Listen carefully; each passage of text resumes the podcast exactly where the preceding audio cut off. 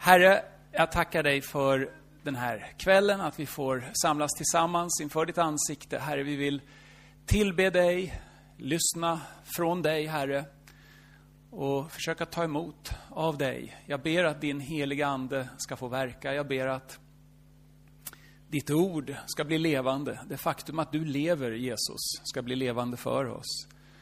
Jag ber om det, Herre. Jag ber att du ska eh, ge mig nåden att få, få kommunicera någonting viktigt som du kan använda, som du kan använda i våra liv. Jag ber om nåden att få ett redskap i din hand, Herre. Och att du tar det som jag har förberett och, och låter det landa på ett gott sätt, Herre. Jag vill be om det. Tack, Herre, för allt som du har gjort i våra liv, vi som är här. Tack för dina fantastiska gärningar och att vi är så många som kan vittna om, om dig, om det du gör och har gjort, Herre. Vi ber, fortsätt att verka och välsigna den här gemenskapen här och de andra gemenskaper som finns representerade här. Jag vill be, Herre, att ELM ska få vara ett salt och ljus i Sverige, i norra Skåne, eh, här i Ängelholm. Jag vill verkligen be att du ska använda den trohet till ditt ord som så många här har. Låt det blomstra, Herre, och låt det träffa den här fallna världen, den sekulariserade världen. Jag vill be om väckelse och vill be att ditt liv verkligen ska få ja, bära frukt utanför kyrkan. Jag ber välsigna de här gemenskaperna med frimodighet och glädje, Herre, i dig Jesus. Tack för satsningen med ELU. Jag vill be att den ska välsignas och gå riktigt bra och bära frukt i ditt namn, Jesus. Jag ber om detta i ditt namn, Herre. Tack. Amen. Amen. Jaha, nu i eftermiddag här så har vi pratat om olika saker. Eh, vi började med bibeltillit. Och eh, en del ungdomar kanske blev lite besvikna för vi liksom kom inte fram till, till, till, till svaret riktigt. Utan det enda jag gjorde var att jag kopplade ihop Gamla Testamentet med Nya Testamentet. Tittade på Gamla Testamentets anspråk på att vara Guds ord. Eh, Herren, Herren talade till Mose och sa till honom, skriv ner och så vidare. Josua fortsätter att skriva ner det Gud säger till honom och så vidare. Profeterna säger, Herrens ord kom till mig och de skriver ner.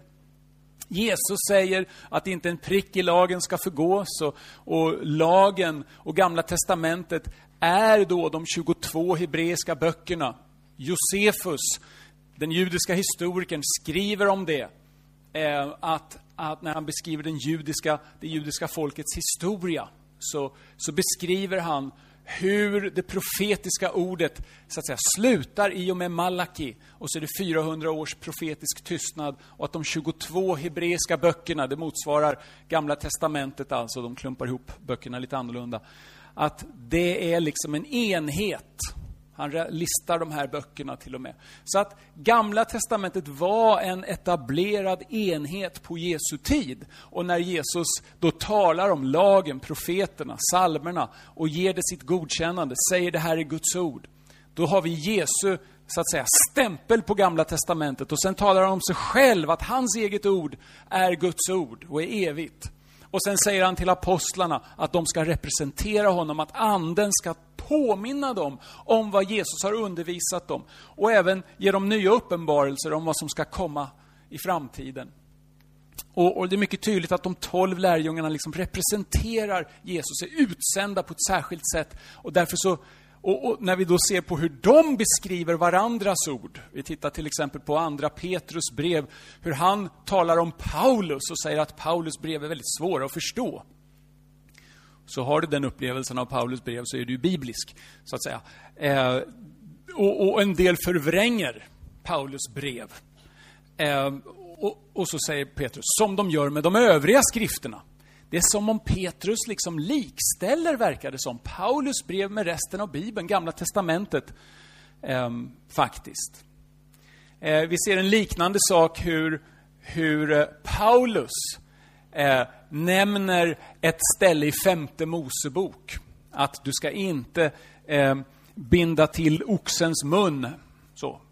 Och sen för skriften säger ju det, och sen citerar han ett ställe till. Arbetaren är värd sitt lön, som är från Matteus. Så Paulus likställer ett, bok, eh, eh, ett, ett bibelord från femte Mosebok med Matteus. Så att vi ser hur, hur så att säga, Bibeln inbördes ger cred till sig själv, eller vad man ska säga, på olika nivåer. Va? Det är ungefär dit vi har kommit. Och poängen är då, om, om, vi då, om Bibeln gör det här anspråket, då kan man ju inte komma och säga så här, tro på Bibeln, varför det då? Ja, därför att det står i Bibeln att man ska tro på Bibeln. För det är ju ett sånt här klassiskt cirkelargument. Jag menar, tänk om en muslim kommer till dig och säger tro på Koranen, varför det då? Ja, för att det står i Koranen att det är Guds ord. Ja, men frågan är ju varför jag ska just tro på det Koranordet och andra Koranord. Det är ju det som är frågan. Man kan ju inte kasta ankaret eh, ombord, man måste kasta det över bord. Man kan ju inte grunda själva frågeställningen på sig själv, så att säga. Det är inte logiskt schysst. Så att eh, när icke-kristna eller icke-troende undrar varför ska jag tro på Bibeln? Så kan du ju förvisso läsa ett bibelord och, och hoppas att den heliga Ande verkar. Och det kan faktiskt ske att Bibeln, så att säga, bekräftar sig själv i själva upplevelsen av bibelordet. Och faktum är att många av oss, tror jag, upplever att Bibeln bekräftar sig själv på det sättet. Jag kommer själv ihåg som, som tonåring, nykristen, så läste jag Paulus brev och de formligen jag, jag, jag, jag käkade dem som godis. Liksom. Jag läste, det, var, jag, det bara talade rakt in i mig. Och, och, och jag upplevde starkt att det här är sant och, och det här är gott och det här är förnuftigt och det passar in. Liksom. Så nog kan ju Bibeln så att säga tala för sig själv. Det luktar sant det här. Och det är ett gott skäl. Men för den som inte har den upplevelsen, eller för den kristne som kanske tvivlar och inte har den upplevelsen, så kan man ju fråga sig, har man då inget gott skäl att tro att Bibeln är Guds ord? Är det enbart ett subjektivt skäl, så att säga? Jag vill inte se ner på subjektiva skäl, men kanske det inte räcker. Vi kanske har mer skäl än så, och det tror jag vi har. Eh, det skäl som jag pekade på, som jag tycker är gott då, det är ju att lita på någon annan som säger att det här är Guds ord. Och då kan man ju lita på sina föräldrar. Jag har uppmuntrat alla ungdomarna här att lita på sina föräldrar och lyssna på dem. Så nu vet ni vad de har fått sig till. Gör nu som Mats säger. eh, därför att ni som är föräldrar och har kristna barn, eller har barn som ni hoppas ska bli kristna, ni vill dem väl, det är alltid en bra startpunkt att börja med att lita på sina föräldrar. Det gör varenda unge i hela världen och det brukar gå ganska bra för det mesta. Det är en bra startpunkt. Jag menar att det är en rationell startpunkt till och med. Kan vi prata filosofi och grejer. Men, men att börja med skepsis och tvivel är inte en ekonomisk och smart startpunkt. Tänk om man skulle tvivla på allting hela tiden. Kan jag ta ett steg här eller kommer liksom Kommer jorden rämna om jag går dit? Nej, det är jag inte säker på. Jag kan inte bevisa det till 100 procent. Det är det bäst att jag inte tar något steg. Men å andra sidan, jag står kvar. Det kan ju rämna där. Var ska jag ta vägen? Hur ska jag göra? Alltså, du kan hålla på. Ska du tvivla på allting så kommer du ingenstans. Du måste börja med tro och tillit. Och då litar man till att börja med på sina föräldrar och de har för det mesta rätt. Problemet är ju bara det att du lever i en kultur där de flesta föräldrar säger att religion är ingenting att ha. Och Gud finns nog antagligen inte. Eller finns han så är, det inte så intressant och så vidare. Så du blir ju utsatt som ung för en väldig kritik. Och då är det bra om du har tänkt igenom din tro. Som kristen så är, är det så att du troligen har tänkt igenom din tro mycket mer än den genomsnittliga ungdomen som, som inte bryr sig om religion, men som ändå tror en massa saker om de här sakerna om världen, om tillvaron, om meningen med livet, om varför vi finns som människor och så vidare. Som kanske tror sig ha någon sorts vetenskaplig bild av det här. Det är oftast humbug, men det är i alla fall föreställningen som personen har själv. Hur bemöter man då kritik? För det kommer, tvivel kommer. Det är inte alltid så farligt heller. Det kan vara bra. Tron växer i tvivlets mylla många gånger. Om inte tvivlet har gått ner, om inte frågorna finns där, då blir du sällan riktigt grundad i tron. Så man ska inte vara för rädd för det. Men då är frågan, vad finns det för svar då? Hur kan vi grunda vår bibeltro? Ja, då var min poäng då tidigare att vi måste lita på någon. Och den bästa att lita på här är Jesus. För Jesus har sagt de här sakerna om Gamla Testamentet, han har sagt de här sakerna om sitt eget ord och han har sagt de här sakerna om lärjungarna som sen då har en auktoritet från Jesus att tala från honom. Därför är deras ord också Guds ord, eller Jesu ord och därför Guds ord. Okay? Så det är liksom hur det hänger ihop. Då är frågan, om nu Jesus är Messias, om han är Guds son, då har vi ett riktigt gott skäl att lita på hans undervisning. Eller hur? va? Då talar han sanning. Och då talar han sanning om Guds ord också. Och då får vi ett mycket gott skäl att lita på Gamla Testamentet i sin helhet. Man kan peta i olika detaljer och fråga sig, men vänta nu, vad har vi för arkeologiska skäl till att tro att Israel var i Egypten och att de gick genom Röda havet? Man kan hålla på med sådana där spännande grejer och hitta goda skäl för att tro att detta är historiskt. Visst, men det går inte att bekräfta varje historisk händelse i Bibeln på det sättet. Och det finns mycket undervisning i Bibeln som inte är historiskt förankrad, men som gör anspråk på att vara Guds ord. Varför ska vi lita på det? Vi behöver ett helhetsgrepp här som håller. Och där faller allt på Jesus. Jesus har undervisat om de här sakerna. Och har han uppstått, då är han Messias, då kan vi faktiskt ta hans undervisning rakt av, lita på den och ha ett gott skäl för det. Även om vi inte vet hur alla detaljer faller på plats. Även om vi inte har alla pusselbitar. Eller hur? va? Han är värd att litas på. Har han uppstått från de döda, då är han Messias. Och därför så märker ni att hela det här caset till syvende och sist handlar om Jesus. Har vi historiskt goda skäl för att tro på honom? Eh, och även där då så kan vi prata om personliga skäl.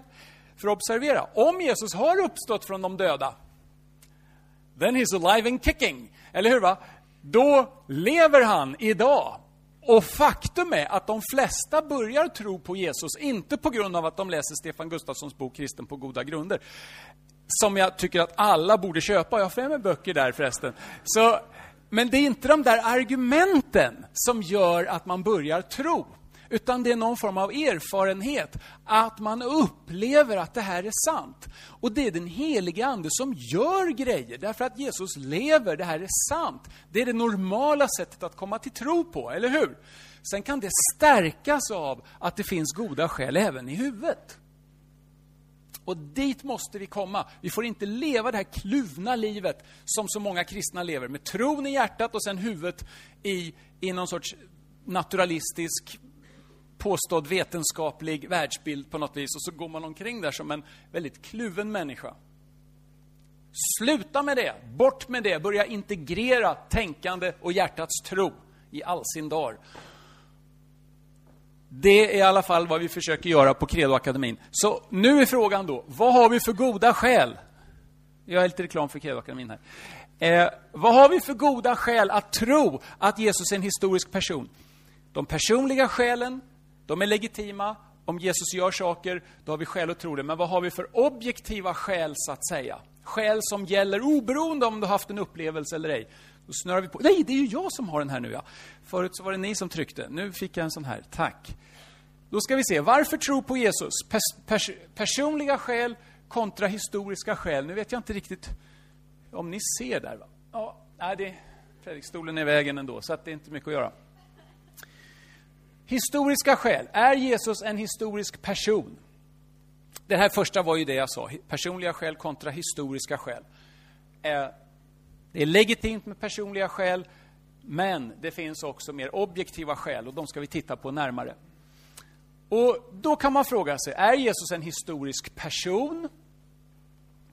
Är... Oj! Är ny... Nej men, förlåt, vad hände nu då? Sorry ska vi se. Är Nya Testamentets beskrivning av Jesus historiskt trovärdig? Varför blir det så här? Jag tryck... Alltså, när jag trycker... Nu trycker jag en gång. Det är nog vajsing. Vi måste läsa väldigt snabbt här. Alltså...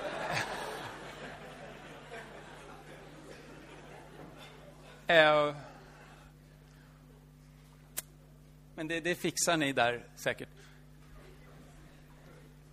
Här är nackdelen med att ha Powerpoint och vara så beroende av det. Så att, eh, ibland när, när det där brakar ihop så får man prata utan Powerpoint. Och det brukar gå det också, men då blir det inte lika mycket ordning.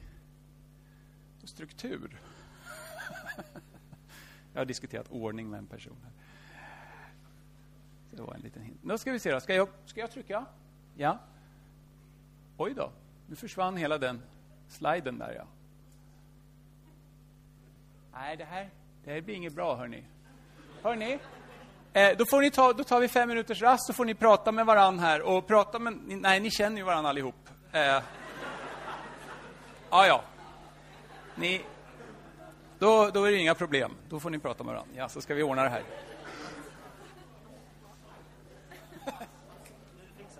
Nu är det fixat.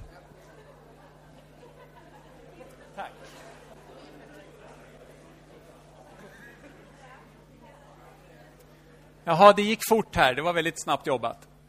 Eh, då rullar vi vidare då. Finns det historiska skäl för att tro att Jesus uppstått från de döda? Tre frågor. Är Jesus en historisk person? Är Nya Testamentets beskrivning eller Nya Testamentet historiskt trovärdigt? Och finns det då historiska skäl för att tro att Jesus uppstått? Då börjar vi med den första frågan. Är Jesus en historisk person? Och det märkliga är att det finns en hel del så kallat vanligt folk, med det menar jag alltså icke-akademiker, personer som inte har satt sig in i frågan överhuvudtaget, som av någon underlig anledning är ganska säkra på att Jesus inte ens har funnits som historisk person. Det här är väldigt märkligt faktiskt, men eh, akademiker eh, är tämligen överens om... Nej, nu hände det samma sak igen. Vad märkligt. Akademiker är tämligen överens om att det här är Samuel Byrskog, det är det som kommer fram väldigt snabbt här, jag ska inte trycka på det. Men det är en bibelforskare som säger, bland de forskare som besitter de nödvändiga kunskaperna för att bedriva exegetiskt arbete förnekar numera inte ens de som mest kritiskt lagda att Jesus har funnits. Så det här är en icke-fråga bland forskare, troende såväl som icke-troende. Om Jesus inte har funnits som historisk person så måste man vara schysst och använda samma kriterier på andra historiska personer och då försvinner nästan all vår historiska kunskap om antiken. Då har inte Caesar funnits heller. Alltså, jag menar, Gustav Vasa, har du träffat honom? Nej, det har du inte. Varför tror du att han har funnits då? Alltså, det är en, en sorts, ett sorts id, kunskapsideal som, där man säger, jag tror bara på det jag själv har upplevt. Har du träffat personer som, som säger sådana saker? Jag tror bara på det jag själv upplevt. Pytsan heller, det gör du visst inte. Har du varit i Australien? Nej. Tror du att det finns? Ja. Du har inte upplevt det alltså? Nej. Varför tror du att det finns? Ja, men det vet jag ju att det finns. Jaha, men du har inte upplevt det. Har du upplevt Gustav, Gustav, Gustav Vasa, eller Gustav II Adolf, eller Karl XII, eller har du upplevt andra världskriget? Nej, ingenting av det. Tror du att det har hänt då? Ja, det tror du, men du har inte upplevt det. Folk tror en massa grejer som de inte har upplevt. Och av goda skäl. De litar på auktoriteter. Man kan till och med fråga dem så här, när fyller du år?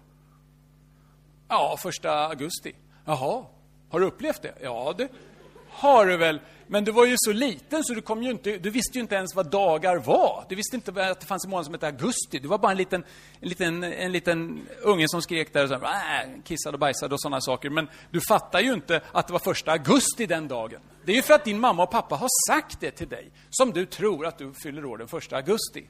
Men varför litar du på dem då? Du säger att du vet detta. Ja, okej, okay. jag tror att du vet det. Och jag tror att det är legitimt att bygga kunskap på tillit på andra trovärdiga personer. Det är precis vad du gör. Och det mesta av det vi vet bygger på den typen av kunskap. Det kan vara hälsosamt att påminna sina skeptiska vänner om detta. För de lever i någon sorts föreställning om att de tror inte på sådana där saker. Och så har de jättemycket trosföreställningar som bygger på tillit, på auktoritet, som det kallas för. Vet de att jorden snurrar kring solen? Har de räknat ut det själva? Nej, inte det minsta. De litar på läroböcker och lärare och, och läroboksförfattare och alla möjliga. För de säger att det är så. Det är ren auktoritetstro för de flesta. Det är väldigt, väldigt få av oss som har gjort de nödvändiga observationerna och uträkningarna för att veta säkert av egen erfarenhet att jorden snurrar kring solen. Eller hur? va? Ser ni? Jättemycket kunskap bygger på tro på tillit. Och därför är det inte så konstigt om vi som kristna också gör kunskapsanspråk när vi bygger på samma sätt. När vi litar på en historisk källa och de personer som vi har goda skäl att lita på. Nu ska vi prata om just sådana goda skäl. Och därför menar jag att det här är inte tro i någon flummig mening. Det här är kunskap. Det här har hänt, mina vänner. Och vi har goda skäl att tro det På samma sätt som vi har goda skäl att tro att Caesar har funnits. Sen kan vi ha ytterligare skäl av den mer personliga, andliga sorten. Tänk om Caesar uppstod från de döda och håller på och gör massa grejer idag. Då hade man kunnat haft skäl till att tro att han lever, eller hur? Va? Som är av ett annat slag än de historiska. Mycket prat här. Ja, hoppas ni hänger med. Hur prövar man då historisk trovärdighet? Ja, en viktig fråga är, har texten bevarats tillräckligt oförändrad sedan den skrevs? Många har föreställningen om att att Bibeln är som en sorts fiskarberättelse som liksom blir bättre och bättre för varje år som går. Ja, jag fick en gädda på ett kilo, efter två år så är det på ett och ett halvt kilo, och sen efter tre år så berättar man att ja, det var en tre kilos gädda och så vidare. Och sen efter 50 år så vägde den ett ton och grejer. Så att det är liksom, det drar iväg på något vis. Ju mer tid, desto mer myt och legend. Och det där tror man har skett med Bibeln. En väldigt vanlig föreställning som saknar all vetenskaplig, all, så att säga, allt stöd i den akademiska världen. Man vet att det inte är så. Man vet det i all sin dar. Irriterad man kan bli på, på, på sådana där myter som liksom finns i vår kultur och som, ja, jag bli, har blivit det i alla fall. Man kanske ska vara lite ödmjuk och sådär. Men hur som helst, vissa saker är så urbota korkade. Eh, hur prövar man då historisk trovärdighet? Ja, Eh, den andra frågan, skrevs texten av ögonvittnen eller personer i kontakt med ögonvittnen? Det är en väldigt viktig fråga. Om du har en person som påstår sig ha sett någonting, då väger det tungt. Det väger tungt i en domstol, det väger tungt i personliga relationer också. Jag har sett det här, jag vet vad jag snackar om. Det väger tungt. personen kan luras, så är det. Personen kan ljuga, men anspråket väger tungt. Och har vi då en skriftlig källa som gör detta anspråk, då måste vi ge det den tyngd som det förtjänar, historiskt. För det tredje sen då, är författarna tillförlitliga? Är det ögonvittnesanspråk och tillförlitliga författare, då väger det ännu tyngre. Om vi har alla skäl att lita på dessa personer och de påstod att de själva sett det. Det är, nog, det är faktiskt något av det tyngsta som går att få i historisk forskning. Den första frågan då. Har Nya Testamentet bevarats oförändrat? Och här kör vi snabbt då. då.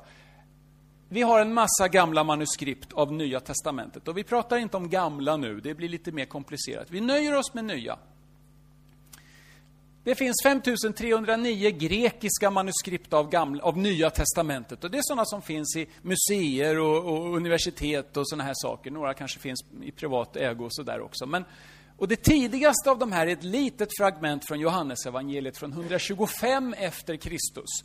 Och Johannesevangeliet skrevs ungefär 90, tror man. Så tänk dig bara 25, ja, 35 år senare, kanske den första kopian, den andra kopian kanske, har man hittat ett litet fragment av från i Sinaiöknen där i, i, i um, så det är väldigt häftigt. När det upptäcktes, alla liberalteologer liksom fick bara skrota sina teorier om att Nya Testamentet är en legendbildning från 200-300-talet. Allt det bara gick rakt ner i papperskorgen på grund av det här lilla fragmentet. Det är ju häftigt. Nåväl, vi har flera eh, hela Nya Testamenten från 200 till 400-talen. Och det är väldigt tidigt, som vi ska se här. Vi cirka 10 000 latinska översättningar då. Det tidigaste från 360 efter Kristus. 4100 ungefär slaviska, 2500-600 ungefär armeniska, 2000 etiopiska ungefär, 350 syriska, 75 arabiska, 171 övriga. Bland annat då gammallatinska, gotiska. Silverbibeln i Uppsala finns bland de här 171 övriga. Frankiska, persiska med mera. Så här så totalt ungefär 24 600 cirka. Gamla manuskript alltså, som har någon form av värde när det gäller att, att så att säga komma tillbaks till den ursprungliga ordalydelsen. Eh, att liksom rekonstruera originalen, för de har vi ju inte. Det Matteus skrev till exempel, det originalet har försvunnit. Däremot så har vi då en massa kopior och översättningar på det här sättet. Och så är det då för alla bibelböcker då. Om man jämför det här då, så blir det väldigt häftigt om man jämför det med andra antika skrifter. Här har vi ett gäng författare, Platon Platon, Plinius den yngre, Sevtonius, Caesar, Tacitus, Aristoteles, Sofokles, Homeros och sen Nya Testamentet. När det är skrivet, den tidigaste kopian och sen antalet kopior som vi har här. Och det här är ju faktiskt väldigt häpnadsväckande statistik. Eh, Platon, där den tidigaste kopian från 900-talet efter Kristus, alltså typ medeltid, tidig medeltid eller mittemellan medeltid, mellan medelmedeltid. och där har vi sju kopior. Plinius, och tänk då på skillnaden, det är skrivet 400 ungefär före Kristus. Så det är ju liksom 1300 års skillnad mellan att originalet skrevs och den tidigaste kopian vi har i handen. Ändå litar vi på att vi har tillgång till Platons tankar. 1300 års glapp! Sju kopior! Och man kan plugga Platon på universiteten som om vi visste vad han sa. Och det är inget snack om den saken. Nej, bra, bra. Plinius den yngre, eh, Sevtonius, en historiker, Caesar själv skrev en bok som hette De galliska krigen. Det är samma mönster. Tacitus, en romersk historiker, som för övrigt också skriver om den kristna rörelsen lite grann, med mycket förakt. Eh, Aristoteles, där har vi typ 50 kopior, eh, men glappet är fortfarande då 1400 år ungefär. Sofokles, eh, den första historikern säger man väl att han var, har jag för mig. 193, den börjar det bli lite fler. Homeros, 643 kopior. Och där är ju glappet bara 500 år. Kolla då Nya Testamentet, 24 633 ungefär kopior. Eh, skrivet 40 till 100 efter Kristus, det allra tidigaste 125, men om vi talar om hela Nya Testamentet så på 200-talet, så glappet är ungefär 100 år. 150, någonstans där. Alltså, det här är ett bevis för att Nya Testamentet, så som vi har det idag i våra skrifter, i våra biblar, är faktiskt det som skrevs från början. Allt det här snacket om någon sorts fiskarhistoria som bara har blivit större och bättre, legendsnacket, är bluff. Det är inte så. Och har jag fel i detta, då kan du inte tro att Caesar har funnits heller. Okej? Okay? Man kan inte liksom ha kakan och äta den. Ska du köra vissa kriterier så får du köra dem över hela, hela linjen, så att säga. Okej? Okay? Det finns ett pris att betala intellektuellt när man förnekar saker. Och det är problemet med ateister. De är inte... Jag var gammal ateist själv. Så, de mäter inte med samma måttstock. De kör en måttstock för sin egen tro och en helt annan för vår. De, de kör upp måttstocken så det blir jättesvårt för oss. Och så blir det jättelätt för dem. Universum har kommit till utan orsak, av ingenting, bara lätt som en plätt. Men Gud kan inte ha skapat, för vi har aldrig sett en ande göra materia. Oj, det är jättekonstigt. Ja, ja, men det kan komma ur ingenting. Det är inga problem. Nej, just det. Det är bara ett exempel. Jag kan rada massa sådana här exempel på hur icke-troende, någorlunda genomtänkta personer eh, mäter med olika måttstock. Och vill du gå i fight, intellektuell fight, i kärlekens namn, för det här handlar om att bryta ner tankebyggnader som uppreser sig mot kunskapen om Gud, och det är gott att göra det. Det är gott för de här personerna också. Ge dem lite tuggmotstånd i all sin dag och, och visa att vi kristna, vi kan tänka. Det här är... Ja, jag blir ibland blir jag faktiskt irriterad och det är, det är bra när jag står och evangeliserar utanför Stockholms universitet och det kommer någon sån här kaxig typ som bara häver ur sig grejer. Alltså, ni, då läxar jag upp dem. Och deras kompisar tycker, kompisarna säger så här, de ber om ursäkt för den här lite fulla kompisen då, som har hävt ur sig massa dumheter. Och, och så säger det här var riktigt intressant, hörru du. Det här var ju, ja, ursäkta honom. Han, och han liksom, ja, okej, okay, ja. Det, vi kan vara mycket frimodigare än vad vi är. För vi har på fötterna, mina vänner. Det är inte någon fiskarhistoria vi snackar om, utan det som står i Nya Testamentet är det som skrevs från början. Sen kan man snacka om detaljer, det finns olika skillnader här, men de är så små att du knappt ens skulle märka dem. De är mindre än mellan två svenska bibelöversättningar. Nya testamentet har bevarats oförändrat. Ännu ett argument för det, nu slår jag in liksom en öppen dörr vid det här laget. De apostoliska fäderna, de var lärjungar till Jesu lärjungar. De skrev brev 90 till 150 efter Kristus. Några namn här. Clemens, Ignatius, Polycarpus, Barnabas, Didache är namnet på en skrift kanske inte känner till de här, men de apostoliska fäderna är väldigt spännande att kolla in. Det är att läsa lärjungarnas lärjungar. Det är att komma väldigt nära Nya Testamentet utan att komma in i det, så att säga. Och det ger en bild av den tidens kristen tro som ligger väldigt nära eh, Nya Testamentet. Det är spännande. Och det intressanta är då att de här citerar Nya Testamentet så när som på elva verser. Även om vi inte haft Nya Testamentet så hade vi haft dess innehåll genom lärjungarnas lärjungar. Utom elva verser då. Jag vet inte vilka elva det var, men, men det är ju fantastiskt tycker jag. Och det här visar att Nya Testamentet, märker ni, det citeras enormt. Det citeras så mycket att hela Nya Testamentet finns, finns citerat i andra generationens eh, kristna. Det översätts i en enorm mängd, så mycket att vi har 10 000 latinska och alla de här andra som, jag, som vi tittade på. I en enorm mängd översätts det. Och då vet vi att kejsaren eh, Diocletianus och Decius, två kejsare som förföljde kristna, brände en massa biblar. Och en massa biblar har ju förstås ruttnat och förstörts och på naturlig väg också. Och ändå har vi 24 600 idag. Alltså, det måste varit en formlig, en, en formlig explosion av bibelöversättning och bibelcitering och, och, och så. Va? I det första år, i, i det andra århundradet blir det ju då. Eller hur? va? Det är väldigt häftigt. Nu händer det där igen, ja. Nu ska vi se. Ska, ska ni... Ni gjorde någonting där. Ska jag, ska jag trycka? Nej, ni har tagit över. Ja. Just det, det bekräftar att Nya Testamentets text inte är legendbildning som har kommit till efter att ögonvittnen har dött. Det här är väldigt intressant. Nya Testamentet kommer till medan ögonvittnen fortfarande lever. Det översätts och citeras medan ögonvittnen fortfarande lever. Det här är jättetungt, menar jag. Vi kommer in på det strax här. Modern bibelforskning säger, det här är en bok om, nya, om Gamla Testamentet, Birger Gerhardsson. Han säger så här, det föregående, och han pratat om olika textvarianter och sånt där.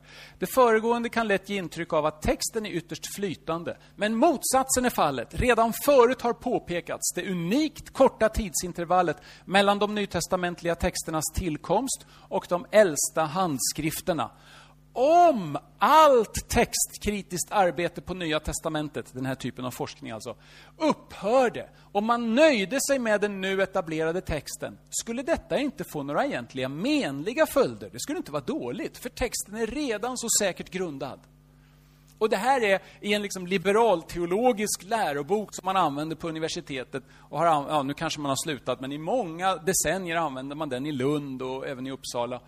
Eh, så, så det här är ju, ja, som sagt, det, jag behöver inte, jag skulle inte, borde inte behöva prata mer om det här. Hoppas jag inte gör det också. Nu ska vi se.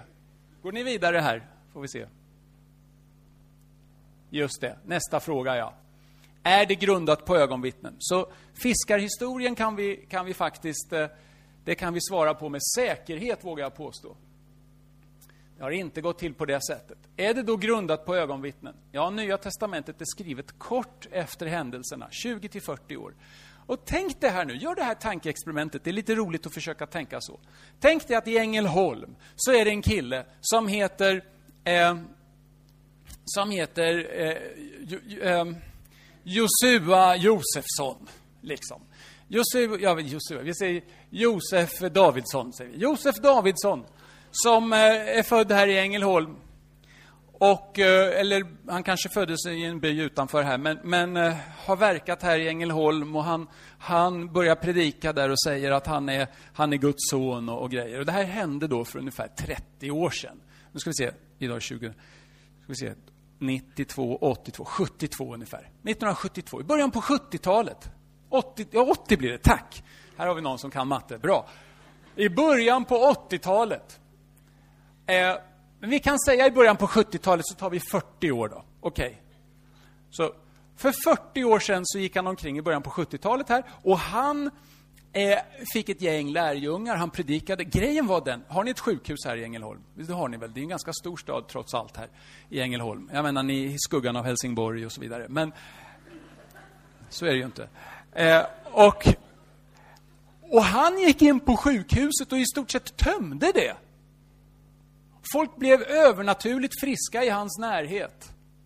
Och, och, och, och, biskopen, nu ska vi se, vart håller biskopen hus här? Det måste ju vara i, i Lund, va? Biskopen i Lund blev ju väldigt upprörd här och undrar vad som händer och, och kallar in honom och så vidare. Och det blir massa rabal, rabal, rabalder. Och han, han, eh, han helar lite folk i Lund där och han predikar och, och, och det blir en rörelse verkligen. Det blir en, en, en Josef Davidsson-rörelse som är enorm. Och, och, och, eh, kyrkligt ledarskap är delade här och, och allt. Och de här grejerna händer. Ja, inte nog med det. Han knallar på vattnet här. Typ mellan Båstad och, och så vidare. Knallar iväg Mölle och, och, ut på vattnet. Och han gör vatten till vin. Och han, han gör en massa eh, saker som är vetenskapligt omöjliga, som folk aldrig har sett förut. Han uppväcker folk från de döda. Flera stycken. Hur många levde 1972 här? Och var liksom vid sina sinnens fulla bruk. Så inte små bebisar alltså. Inte upp, mer, äldre än fem år. Äldre än tio säger vi. Äldre än tio. Hur många var äldre än tio 1972? Upp med en hand. Ni gamlingar kan inte gömma er nu här, utan det var upp med handen. ja, vänta nu, vad var jag? Jag var fem år. Nej, det gills inte. Titta, det är ganska många här som man kan fråga. Och bodde ni i Ängelholm med om, omnejd? Ja, det gjorde ni. Ni nickar. Precis. Så alla vi ungdomar här, vi kan fråga då. Vad hände? Träffade ni honom? Och om det är då någon av hans lärjungar som har skrivit en redogörelse så kan vi låta er läsa den och så säger ni, ja men den där saken, där var jag med i folkskaran, jag hörde det där. 40 år senare, en väldigt kort tid, om man då skriver ner den här berättelsen och den sprids som en löpeld och folk, och, och, och observera, det är alltså tusentals människor som har varit med om de här sakerna. Han har ju predikat för många tusen människor. Hur kan det här spridas? Hur kan det här översättas och parafraseras och citeras i den här enorma mängden som blir fallet? Om det inte vore för att alla de här människorna kan intyga och säga, men jag var med där, jag vet att det där hände. Förresten, jag vet det där också, och där var jag. Och jag där, ja jag vet. Det är ju genom det som det sprider sig. Och hade det inte varit fallet, då hade inte det här hänt. Legendbildningar sker aldrig när ögonvittnen fortfarande lever. Utan de kommer till 200-300 år senare, när alla ögonvittnen är döda och man kan hitta på vad man vill. Legender kommer aldrig till när ögonvittnen fortfarande lever, och särskilt när det finns så här många. Gör det tankeexperimentet så, så inser du hur orimligt det är och du inser vilken kraft vi har i, i, i vårt case här. Nya testamentet gör anspråk på att vara eller bygga på förstahandsinformation. Lukas säger detta uttryckligen, att han har gjort efterforskningar, pratat med ögonvittnen. Johannes säger att han själv är ett ögonvittne och säger att han har skrivit det här för att de som inte är ögonvittnen ska förstå att Jesus är Herre och att, att vi ska ha liv i hans namn. Nya testamentet innehåller mängder av onödig detaljinformation, vilket är typiskt för ögonvittnen. Till exempel att Johannes springer till graven före Petrus. Han är yngre, han är snabbare. Petrus kommer flåsande efteråt, men han, Johannes stannar i dörren. Petrus går in i förväg. Sådana där små onödiga detaljer som är typiskt för ögonvittnen. Det här med eh, sådana här saker som arameiska uttryck, talita kum, eloi, eloi, lema sabachthani. Sådana här, helt plötsligt så är det som att deras minne av exakt vad Jesus sa är så starkt så att de säger det, de översätter inte till grekiska. För att det, gav, det gjorde ett så starkt intryck, för de har sett det själva. Det verkar väldigt konstigt om de skulle hitta på de här grejerna. Det, nej, det, det, det luktar för sant, helt enkelt. Nya testamentet innehåller också mängder av historiska detaljuppgifter som bekräftas arkeologiskt. Eh, det, det, finns massa spännande sådana saker i böcker att läsa. Till exempel så är Lukas väldigt noggrann med romerska titlar.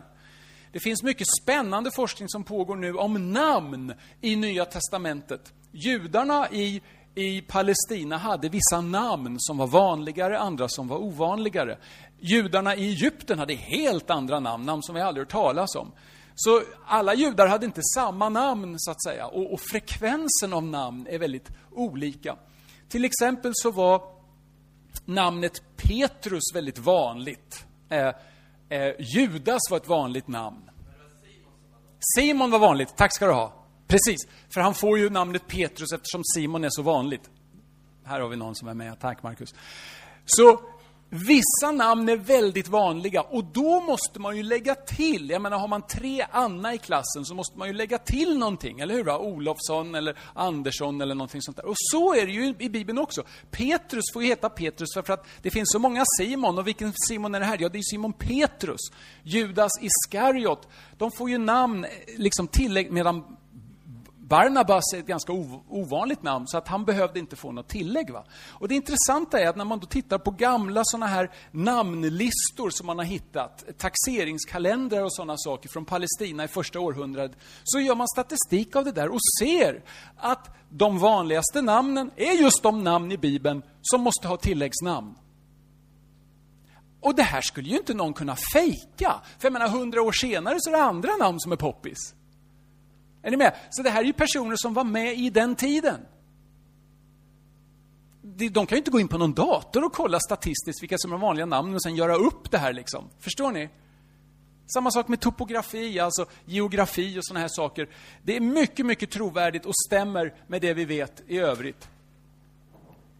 Vi har också skenbara motsägelser. Och när man stöter på en motsägelse i Bibeln så kan man bli lite bekymrad. Men man kan vända på steken. Har du tre stycken ögonvittnen till en bilolycka, så kommer de alla vara överens om att en bilolycka har skett. Men de kommer skilja sig i detaljerna emellan. Ibland för att de kommer ihåg fel, men ofta för att, för att de kommer ihåg vissa saker som de andra inte kommer ihåg. De ser det från ett visst perspektiv, kanske. De kanske ser det från ett sådant perspektiv att de missar vissa saker och ser andra saker. Och tvärtom, och, och vice versa och hit och dit. Så att så att skenbara motsägelser, det här med änglarna vid graven till exempel, var de en eller två? Ja, den ena evangelisten säger att det var en, men säger inte att det bara var en. Så att man ser betoningar utifrån vad man upplever och ser är olika. Och det vittnar om att det finns ett oberoende i deras vittnesmål. De bygger inte bara på varann, de har inte bara plankat av varann här. Så ett argument utifrån ögonvittnen då. Vi har en tidig tillkomst av Nya Testamentet inom en generation och en enormt stor och snabb spridning av Nya Testamentet. Och, det här, och dessutom så gör man anspråk på ögonvittnesstatus. Det här ger oss en, en väldigt, ett starkt argument, för ögonvittnesmålen bekräftades och troddes på av många i ögonvittnenas samtid. Kraften i ögonvittnenas vittnesmål var starkt, men också detta att det fanns andra personer som var ögonvittnen till delar av Nya Testamentet, av det Jesus gjorde i evangelierna och så vidare. Så här har vi ju ett fantastiskt starkt eh, case, vad säger man om man inte säger engelska där, case? Ett eh, stark argumentation, kan man säga. Och det går inte att förklara genom en legendbildning senare så här. Det här är väldigt problematiskt om man vill förneka eh, Nya Testamentet och, och, och, det som påstås där. Till sist då, då kan man ju fråga sig, ja men de hade ett intresse av att luras. För då går det ju att komma undan va. Är de inte tillförlitliga? De på något vis tjänade på att hitta på de här grejerna. Vänta här nu då. De in, Nya Testamentet innehåller pinsamheter och ofördelaktiga saker för de som skrivit Nya Testamentet. Ta Petrus, ledaren för den första kristna kyrkan. Han gör ju bort sig gång på gång i evangelierna. Eller hur? va? Ja, det är ju pinsamt och dessutom förnekar han ju Jesus på slutet. Han säger, ja, vi kan bygga en hydda här. Han vet ju inte vad han snackar om. Och han, han gör ju bort sig gång på gång. Och ändå finns de här berättelserna med. Och han är ledare för den här rörelsen, så han kunde ju se till att det där ströks. Men det ligger inte i hans intresse. För det var det där som hände.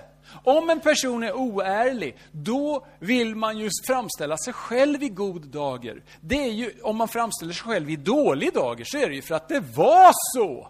Eller hur? Det är därför man säger de där sakerna. För det var det som hände. Eller hur? Det är ju ärlighet som driver en sån beskrivning.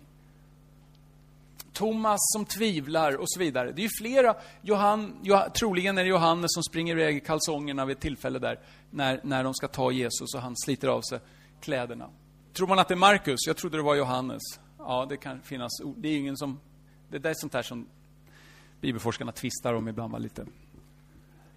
Nya testamentet innehåller psykologiskt trovärdiga beskrivningar. Ta när Jesus uppstår från de döda. De tror att det är ett spöke och, säger, och Jesus liksom måste käka lite fisk här och säga Spöken brukar inte äta fisk, eller hur? va? Nu äter jag fisk, jag är inget spöke, hallå? Eh, så, alltså, men de är så chockade. De, de, och det tycker jag är psykologiskt väldigt trovärdigt.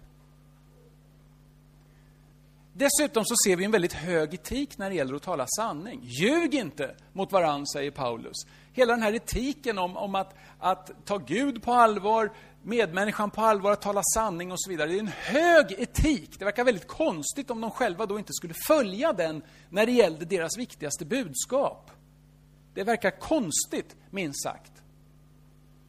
Flera av Nya Testamentets författare dog sen också martyrdöden för sin tro. Varför skulle de dö för något de visste var en lögn? Och det här tycker jag är ett mycket starkt argument.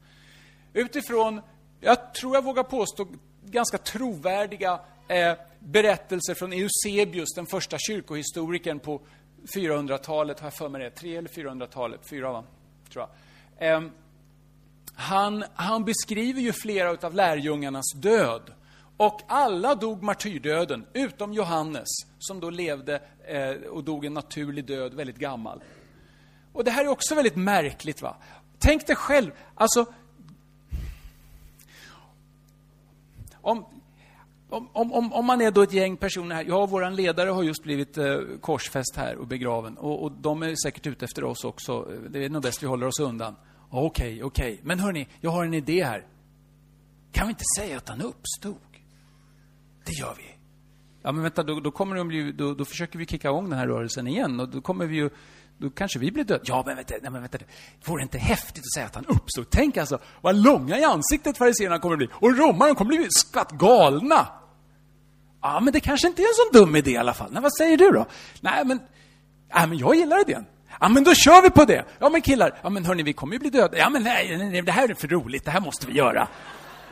Hur kommer det sig att inte en av dem i alla fall en säger så här, ja killar, lycka till, jag går och fiskar. Tja! Hur kommer det sig att de, varför skulle de komma överens om något så urbota korkat som att påstå att deras ledare har uppstått om de vet att han är död? De, och sen hålla fast vid det livet ut! Tills de tills de dör martyrdöden för sin tro. observera, kristen tro är inte som kommunistisk tro eller något annat lärosystem. Kristen tro hänger på att Jesus uppstod från de döda, annars skulle det inte uppstått som religion. Så tron på Jesu uppståndelse är den punkt som hela bygget bygger på, hänger på. Det är därför som det går att använda det här argumentet. De skulle aldrig ge sina liv om de, på det här sättet som de har gjort, om de visste att det här var påhitt. De var övertygade. Det menar jag att vi kan vara historiskt säkra på. Vi kan vara historiskt säkra på att de var övertygade om att Jesus hade uppstått från de döda. Då är frågan var de lurade. Okej, vi kommer in på det sen då. Oj, nu ska vi se. Så vi har inga skäl att betvivla apostlarnas ärlighet. Vi har mycket goda skäl att tro att de var ärliga.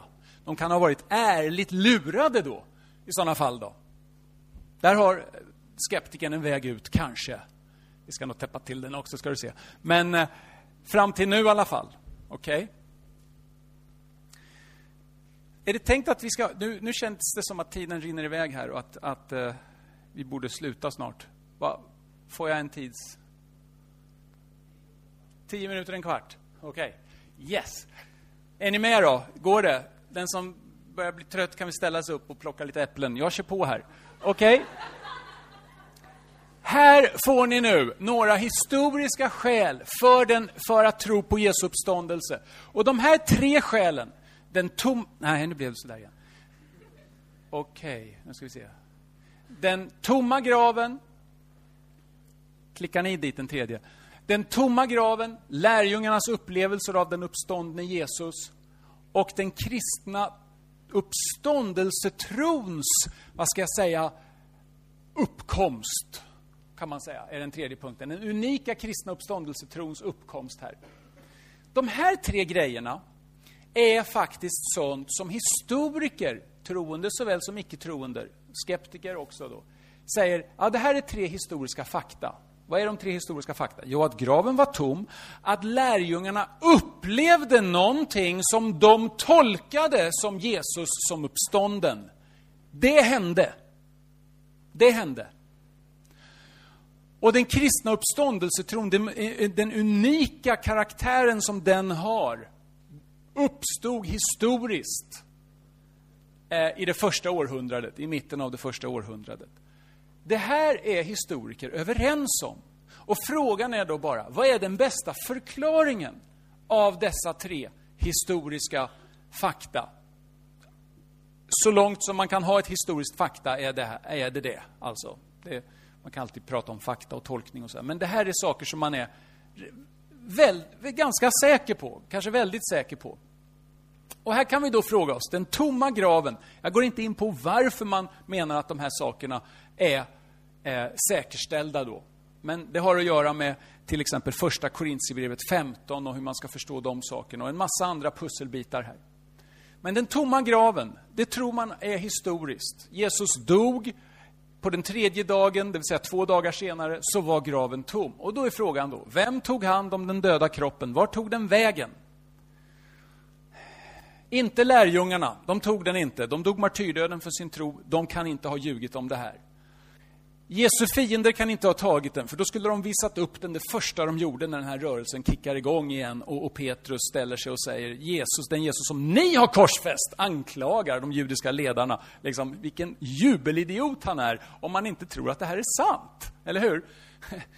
Jag menar, anklaga de som har dödat Jesus. Och han blir ju fängslad också, är säkert beredd på att dö.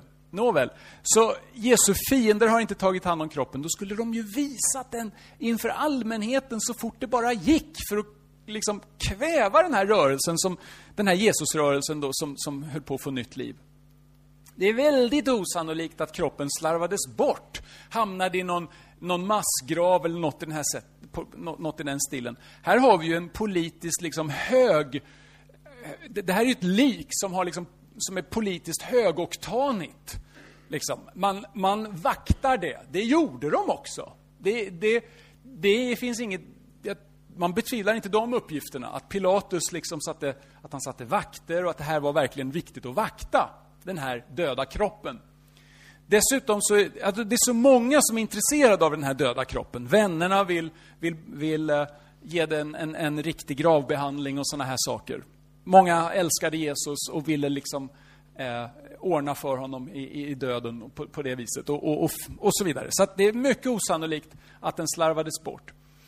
En annan hypotes som kom fram på 1800-talet var att Jesus aldrig dog, utan han, han, han svimmade av där på korset och eh, med, med eh, sår i sidan och alltihopa.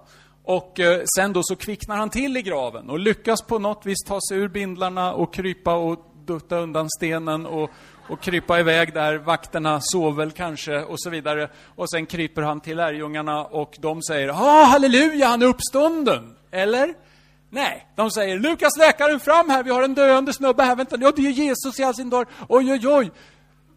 Det är ju inte någon Messias som har övervunnit döden, utan han är ju precis med knapp nöd sluppit undan den. Och det är ju inte som så att de tror att han har uppstått från de döda då. Inte. Eh, det finns mycket skäl till att inte tro på skendödshypotesen. Dessutom är det väldigt orimligt att tro att, att romarna, som visste hur döda personer såg ut, de visste hur man tog livet av dem också, eh, att de skulle släppa iväg en, en Det är därför som kör ett spjut genom sidan. Och även om Jesus inte dog på korset, vilket vi har alla skäl att tro att han gjorde då, men så skulle han ju dött en kort stund därefter. Man klarar sig inte på, på det sättet. Alltså det, nej, det är mycket, mycket orimligt och det är faktiskt inga forskare som tror på den teorin heller. Kritiska forskare saknar faktiskt en rimlig förklaring till den tomma graven. Och det är ett historiskt mysterium och rimmar väl med att Jesus uppstått. En kritisk forskare kan alltid säga att graven var tom och vet inte varför, och så är det inget mer med det. Men lärjungarna möter Jesus, de, möter, de är med om någonting som de själva påstår är möten med Jesus. Och de beskrivs väldigt psykologiskt realistiskt. Och de innehåller pinsamheter för lärjungarna själva.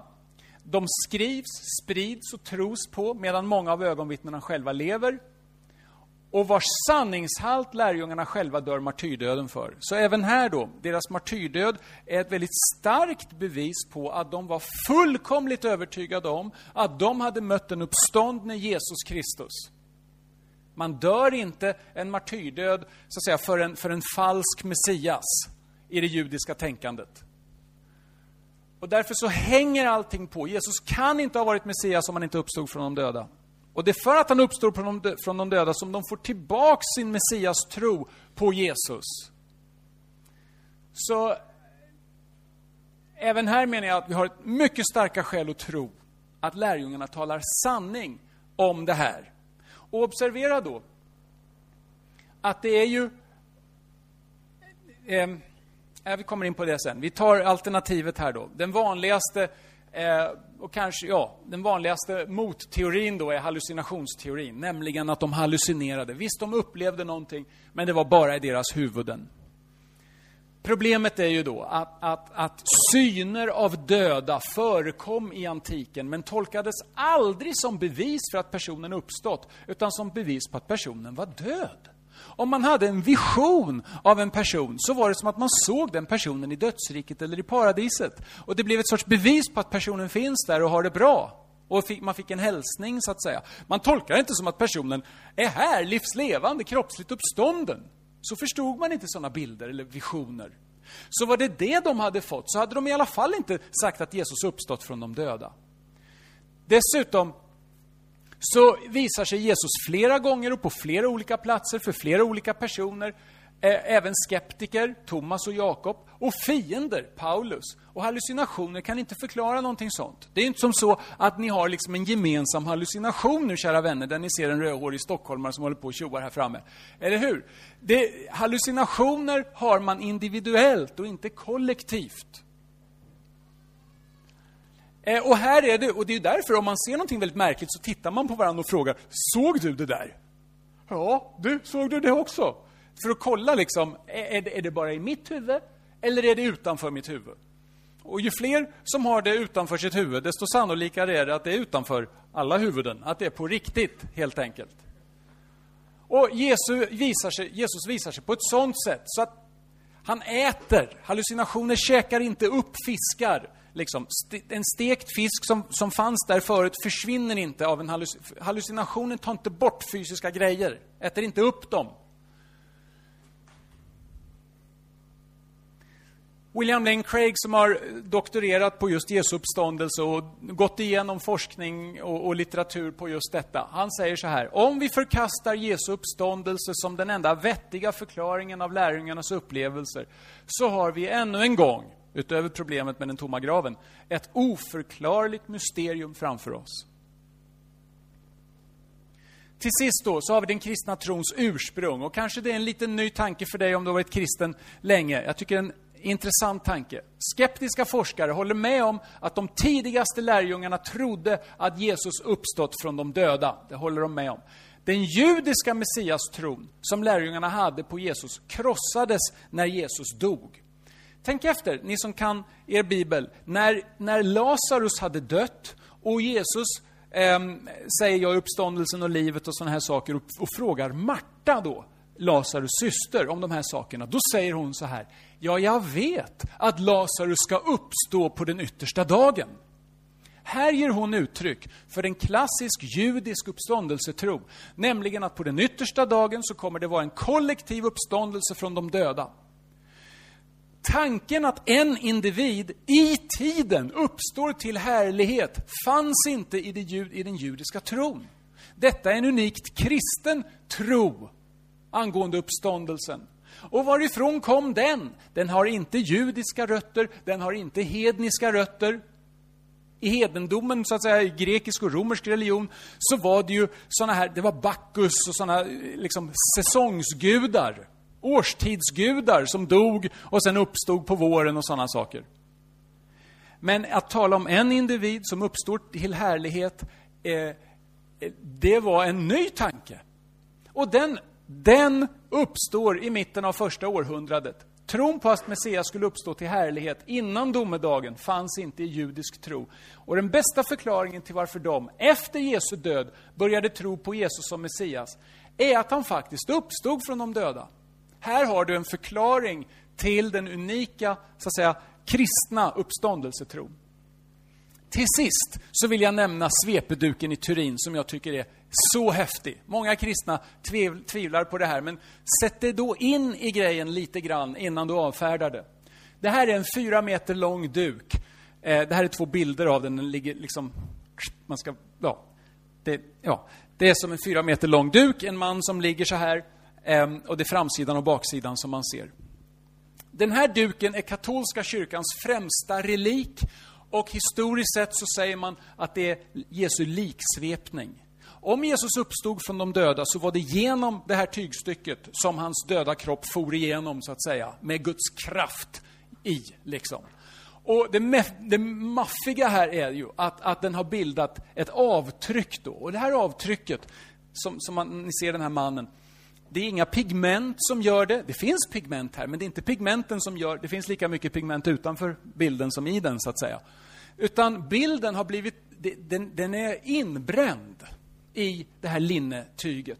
Och den är inbränd eh, på ett sånt sätt att det är precis i ytskiktet som den är inbränd.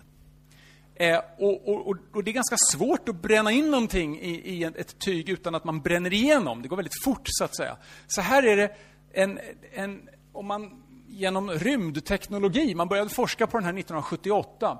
Katolska kyrkan öppnade upp och det var ett team då man använde rymdteknologi, alla möjliga grejer använde man och såg då att själva bilden har kommit så att säga, rakt framifrån.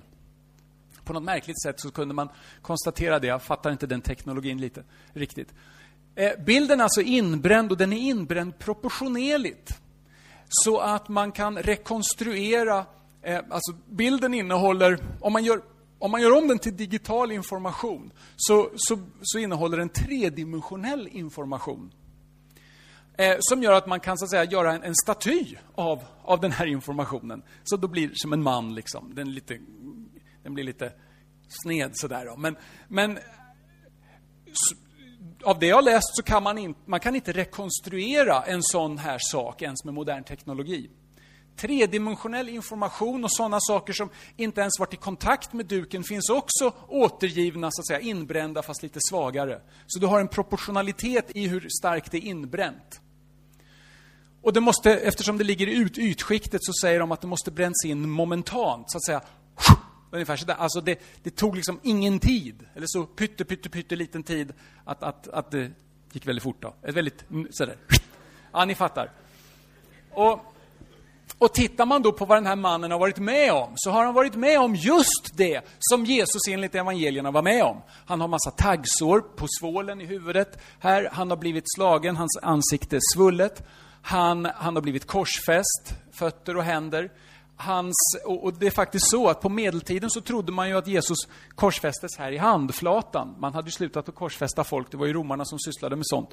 Men romarna, man har sett då på, i skelett att, att korsfä, korsfästa personer har skavsår så att säga här. Eh, det finns en särskild punkt här. Så om man trycker in en spik här så går nerven till tummen av och sen sitter man där. Man, den kommer inte loss liksom, utan det är ett jättebra ställe att trycka in en spik på om man vill korsfästa en person. Eh, det är liksom där. Annars så eh, tar man mitt i handen, då bara slits det bort så här och så ramlar man ner. Så det är ju inget bra för de bödlarna.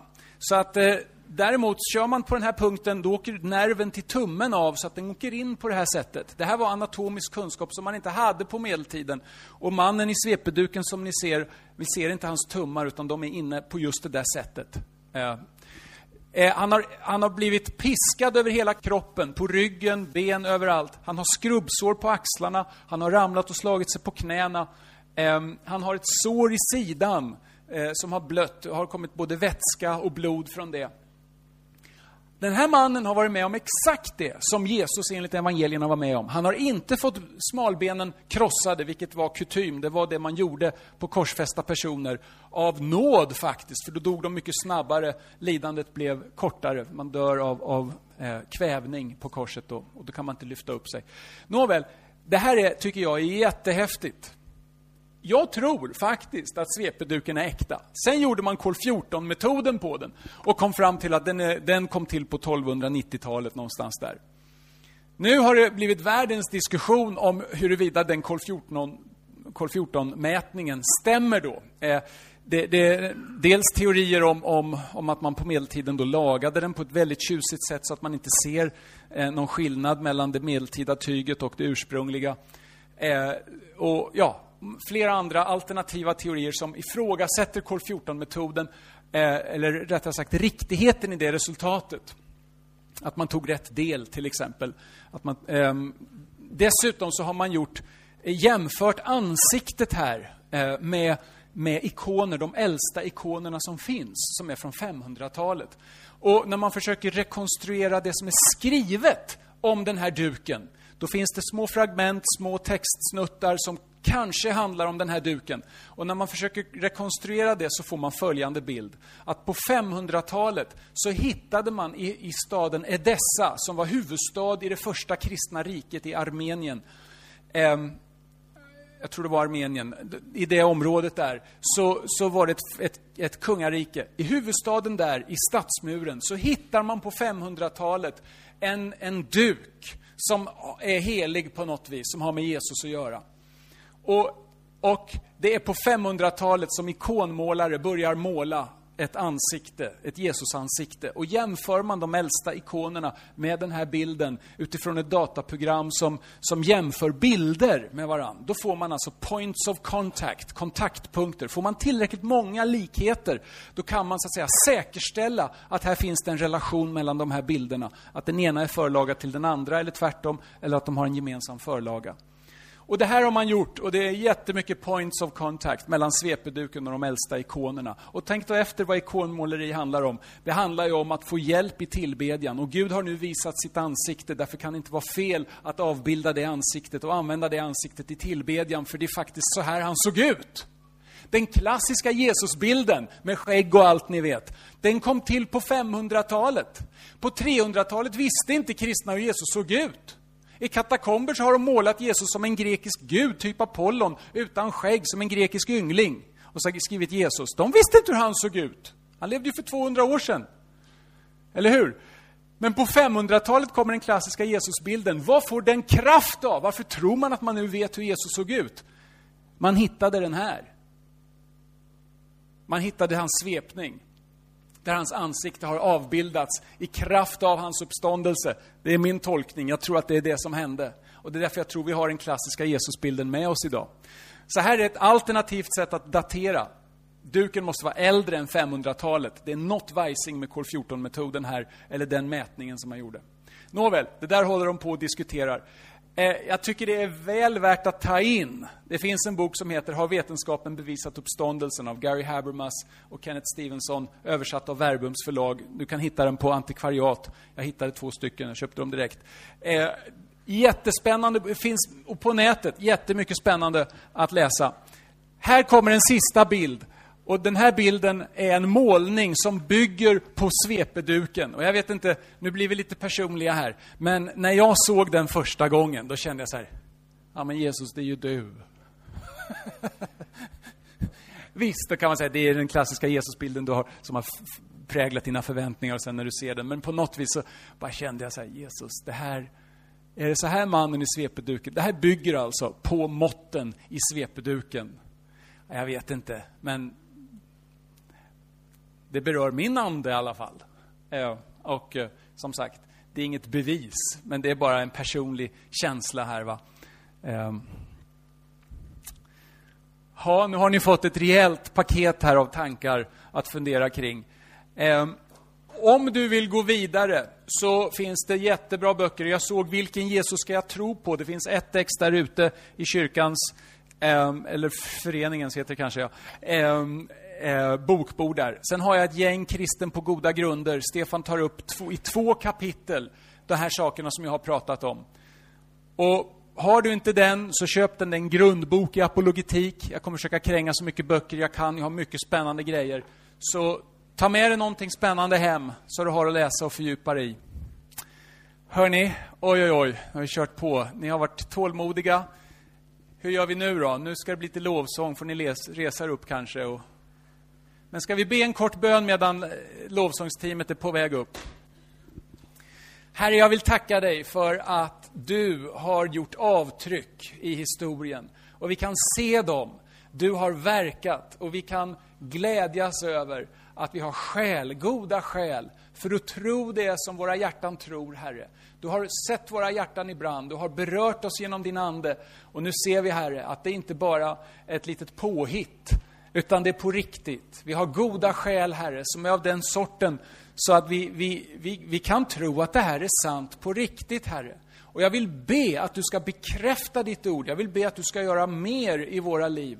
Jag vill be om tecken och under. Jag vill be, Herre, att din närvaro ska vara mycket påtaglig. Och så vill jag också be att du hjälper oss att integrera tänkande och hjärtats tro. Herre, hjälp oss att bli hela människor och hjälp oss att bryta ner tankebyggnader i vår kultur som uppreser sig mot kunskapen om dig. Herre, gör oss frimodiga, både med din kraft och med kunskap. Allt det som du vill ge oss, Herre, för att utrusta oss i kampen. Tack för ungdomar och äldre som finns här. Jag vill be om din rika välsignelse över oss var och en. I ditt namn, Jesus. Amen. Vi älskar dig, Herre. Nu sjunger vi någonting här. Jag känner mig som en väckelsepredikant här nästan. Mats, vi vill tacka dig. Ja, tack. Eh, tack för allt som du har gett idag. Ja. Tack för att du har fått tjäna Amen. och ge. Ja, kul. Och eh, så vill vi också rikta ett tack till Ängelholms missionshus för att ni, vi har tagit emot Mats här idag. Ehm,